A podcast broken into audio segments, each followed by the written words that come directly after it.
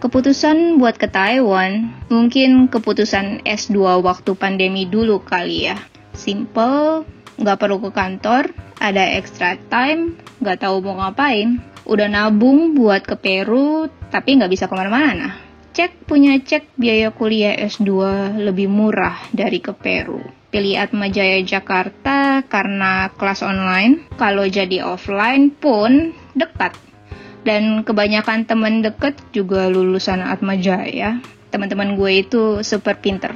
Atma Jaya akan bikin gue jadi super pinter juga kan ya. Kenapa nggak pakai uangnya buat DP rumah aja? Atau beli TV layar lebar plus PS5? Well, males ngurus properti. Dan aset nilainya menyusut. Gaya omongnya udah kayak ngerti ekonomi aja. Well, ini waktunya diformalisasi dengan gelar. Plus, harus ada sesuatu yang positif buat gue dari pandemi ini. Teman-teman gue ada yang punya anak, adopsi anak bulu, renovasi rumah pas pandemi. Kenapa gue nggak nambah gelar aja? Pikiran gue waktu itu. Singkat cerita, dimulailah kuliahnya. Dan kuliah online sambil kerja gak gampang, tapi bisa di-manage.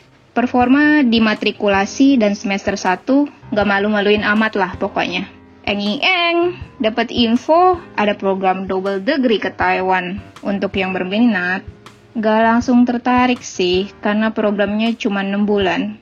Gak worth it rasanya kalau cuma 6 bulan. Cuman jadi jigong aja istilahnya, kayak kerupuk. Belakangan baru tahu, ada opsi yang satu tahun. Plus ada kemungkinan beasiswa sebagian Pikir-pikir not bad juga kalau dibeasiswain. Tapi siapa yang mau kasih beasiswa ke orang kayak gue?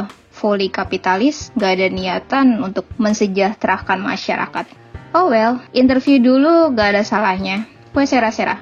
Dalam hati, kalau dapat beasiswa, kesempatan ini bakal gue ambil. Anggap liburan jangka panjang. Dan untuk pengalaman hidup di negara baru.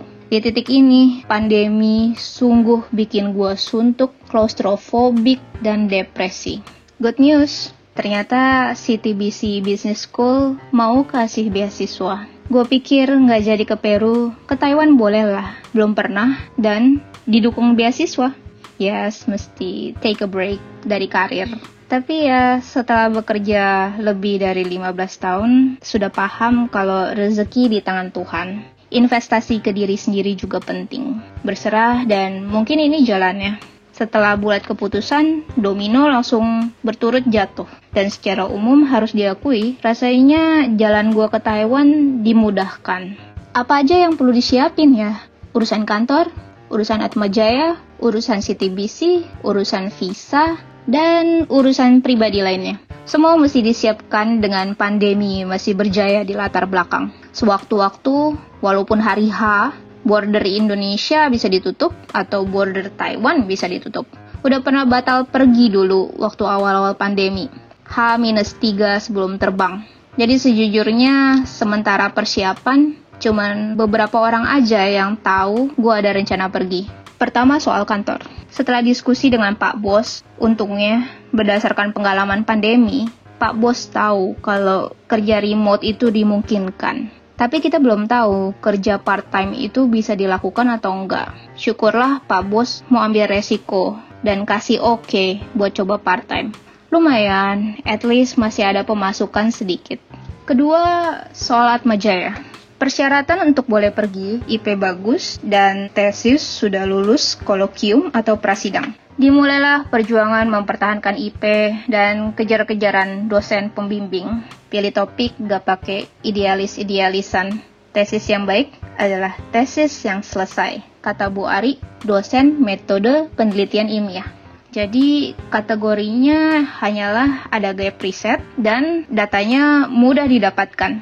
Syukur topik disetujui dan dosen pembimbing super suportif. Shout out to Bu Farah. Ketiga, urusan CTBC. Paspor masih laku, cek. CV, pas foto, transkrip nilai sejauh ini, surat rekomendasi dari fakultas, pernyataan pribadi, cek, cek, cek, cek, and cek. TOEFL atau TOEIC? Hmm, belum. Deadline aplikasi dah dek belum sempet tes TOEFL ITP atau TOEIC. Untung pandemi bikin TOEFL ITP bisa dilakukan online. Lalu karena online nggak perlu di Jakarta loh.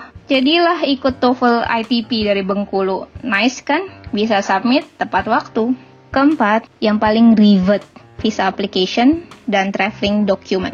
Sebelum ngajuin visa, gue mesti lulus medical check up dulu. Deg-degan kalau tahu-tahu positif COVID. Untungnya enggak.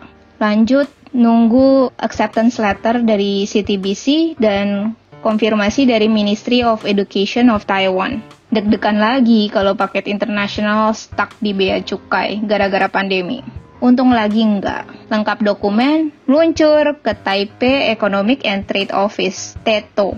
Eh, nggak boleh masuk. Ternyata perlu rapid test dulu. Untung di gedung sebelah ada klinik, bisa rapid test langsung jadi.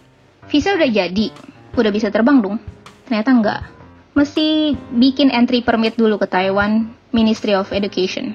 Ada Chinese New Year dulu loh. Ingat, tutup semua kantor pemerintah. Dua minggu. Hiks, oke okay lah. Gak apa-apa. Habis kelar libur, entry permit langsung jadikan. Akhir bulan Februari udah bisa terbang kan? Tengah bulan Maret udah bisa ikut kelas kan? Nope, Orang CTBC yang submit ke Ministry of Education bilang, entry permit biasanya baru kelar dua minggu setelah balik dari libur. Jadi baru bisa pergi awal Maret dan nggak bisa ikut kelas pertama karena masih karantina. Tengit, ternyata bener dong. Ministry of Education kelar seminggu lebih awal. Tapi hotel sudah terlanjur di book untuk awal Maret. Oh well, nggak apa-apa. Skip satu kelas. Bakal usaha kejar di tempat yang lain. Terakhir, urusan pribadi yang lain. Apartemen, bersihin. Pajak investasi lain, beresin. Kartu kredit, jangan lupa kabarin. Bonyok, terjamin, aman, nyaman. Sip deh, akhirnya siap pergi. Tinggal berdoa, gak tiba-tiba positif COVID sebelum berangkat. Dan gak ada tiba-tiba tutup border. Ya, syukurlah dikabulkan. Berangkat deh ke Taiwan. Sampai Taiwan, ada lagi deh petualangannya. Khususnya karena nggak bisa bahasanya. Lo bilang gue nekat. Gak juga ah. Traveling zaman sekarang udah nggak kayak traveling zaman dulu. Asal ada smartphone, internet, dan sedikit persiapan, dunia dalam genggaman. Open for questions. Until next time, love you guys to the moon and back. Abi.